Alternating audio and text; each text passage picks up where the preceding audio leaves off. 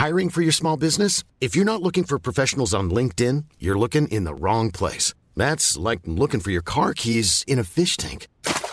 LinkedIn helps you hire professionals you can't find anywhere else, even those who aren't actively searching for a new job but might be open to the perfect role. In a given month, over 70% of LinkedIn users don't even visit other leading job sites. So start looking in the right place. With LinkedIn, you can hire professionals like a professional. Post your free job on linkedin.com slash people today. I'm Sandra, and I'm just the professional your small business was looking for. But you didn't hire me because you didn't use LinkedIn jobs. LinkedIn has professionals you can't find anywhere else, including those who aren't actively looking for a new job but might be open to the perfect role, like me. In a given month, over 70% of LinkedIn users don't visit other leading job sites. So if you're not looking on LinkedIn, you'll miss out on great candidates like Sandra. Start hiring professionals like a professional. Post your free job on linkedin.com slash people today. Hey, it's Ryan Reynolds, and I'm here with Keith, co star of my upcoming film, If, only in theaters, May 17th. Do you want to tell people the big news? All right, I'll do it. Sign up now and you'll get unlimited for $15 a month in six months of Paramount Plus Essential Plan on us. Mintmobile.com slash switch. Upfront payment of $45 equivalent to $15 per month. Unlimited over 40 gigabytes per month. Face lower speeds. Videos at 480p. Active Mint customers by 531.24 get six months of Paramount Plus Essential Plan. Auto renews after six months. Offer ends May 31st, 2024. Separate Paramount Plus registration required. Terms and conditions apply if rated PG. Halo, selamat datang di podcast Love Lavina. Ketemu lagi barengan Lavina hari ini yang pengen ngebahas tentang buku. Jadi beberapa hari yang lalu adik aku itu nge-share di storynya 13 buku yang dia baca di tahun 2023. Ngeliat itu, aku jadi ngitungin juga. Di 2023, aku baca berapa buku ya. Dan ternyata setelah aku hitung-hitung, totalnya aku baca 9 buku. Terus aku masukin buku aku sendiri, aku anggap itu buku yang aku baca juga. Of course aku baca karena aku tulis dan baca. Jadi totalnya adalah 10 buku. Jadi di 2023 aku baca 10 buku. Jumlah yang sedikit menurut aku. Karena aku ingat empat bukunya itu aku baca di bulan Januari. Aku baca empat buku di bulan Januari, lima sisanya di sepanjang tahun 2023, dan tambah satu buku aku sendiri. Jadi itu sedikit sih, 10 buku. Aku mikir-mikir lagi nih, di 2024 ini apakah aku mau turunin targetnya jadi 6 buku aja karena ngelihat tahun lalu cuma 10 buku. Apa aku coba realistis aja ya, jadi 6 buku aja tahun ini atau malah aku naikin jadi 12 buku. Intinya antara satu bulan satu buku atau dua bulan satu buku. Antara 6 atau 12. Itu aku masih mikir-mikir. Tapi yang pengen aku bahas di sini, kenapa sih kita harus baca buku? Kenapa aku sampai masukin itu ke resolusi tahunan aku? Jumlah buku yang aku baca itu aku masukin ke dalam resolusi tahunan. Jawabannya adalah ada dua alasannya kalau aku. Yang pertama adalah untuk dapetin insight atau pengetahuan baru.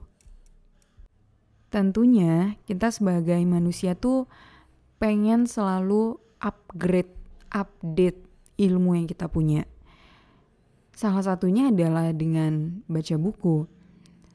Dan aku nggak bilang kita cuma bisa dapetin insight dari buku-buku yang non fiksi. Karena aku juga dapet insight, aku juga dapat pengetahuan, aku juga dapat sesuatu dari baca buku-buku yang fiksi. Baca buku itu satu cara yang paling efektif ya untuk belajar, untuk dapetin insight yang baru. Akan beda nih ketika kita baca satu buku dengan kita ngelihat konten satu menit di sosmed yang bahasanya sama gitu. Mungkin ada yang ngerangkum buku Psychology of Money satu menit di TikTok dibandingkan kita baca full bukunya itu yang kita dapetin pasti sangat berbeda. Dan kalau kita baca buku, apa yang kita baca itu lebih melekat dibandingkan ketika kita ngeliat konten singkat itu. Jadi menurutku kalau kita memang pengen belajar suatu hal yang baru, pengen belajar yang deep gitu ya, cara terbaik adalah dengan baca buku.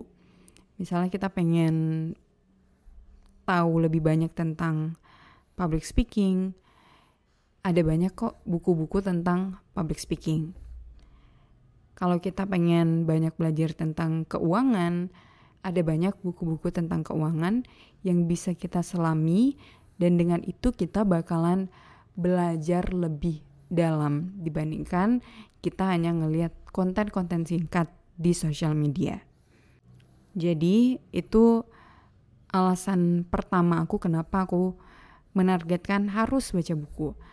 Karena aku harus bertumbuh. Aku harus nambah pengetahuan, nambah insight baru, jadi aku mau setiap tahunnya itu aku baca buku. Alasan yang kedua adalah melatih fokus, ya. Jadi di era sosial media ini sadar gak sih kalau attention span kita itu makin lama makin menurun. Jadi attention span itu adalah kemampuan kita untuk fokus dalam suatu hal.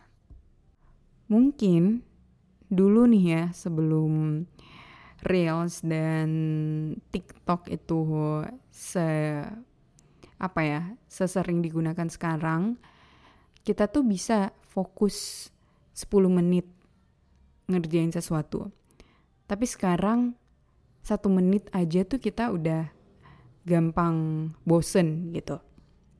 Karena kita terbiasa mengkonsumsi konten-konten yang singkat yang di bawah satu menit bahkan mungkin di bawah 15 detik kita jadi nggak terbiasa untuk fokus yang lama. Nah, emangnya kenapa kalau misalnya kita nggak bisa fokus yang lama? Kalau attention span kita tuh rendah. Aku tuh takutnya, emang kalau sekarang sih aku ngerasa ya nggak masalah kalau attention span aku rendah. Tapi kalau someday aku mau balik kerja full time lagi misalnya atau aku mau lanjutin studi di mana aku harus fokus belajar pasti bakalan susah kalau selama ini attention span aku tuh rendah. Kalau aku tuh orangnya susah fokus karena kebiasaan mengkonsumsi konten-konten yang singkat. Jadi salah satu cara aku untuk melatih fokus adalah dengan baca buku. Jadi itu dua alasan yang menurut aku krusial banget di hidup aku. Aku ngerasa punya pengetahuan baru, punya insight baru itu hal yang sangat krusial dan melatih fokus juga hal yang sangat krusial. Makanya aku mau setiap tahunnya itu aku targetin baca sekian buku. Ngomong-ngomong masalah buku, aku juga sekalian mau promosiin buat kamu yang belum tahu Aku tuh nulis buku tahun lalu, judulnya adalah Sebenarnya Aku Mampu. Itu buku pertama aku yang aku tulis dan udah rilis, kamu bisa cari di Gramedia terdekat atau bisa juga dibeli online. Kamu bisa cek Instagram aku @lovelavina. Di situ aku ada cantumin link di mana kamu bisa beli buku sebenarnya aku mampu secara online. Bukunya tentang apa? Bukunya genrenya adalah self improvement, pengembangan diri.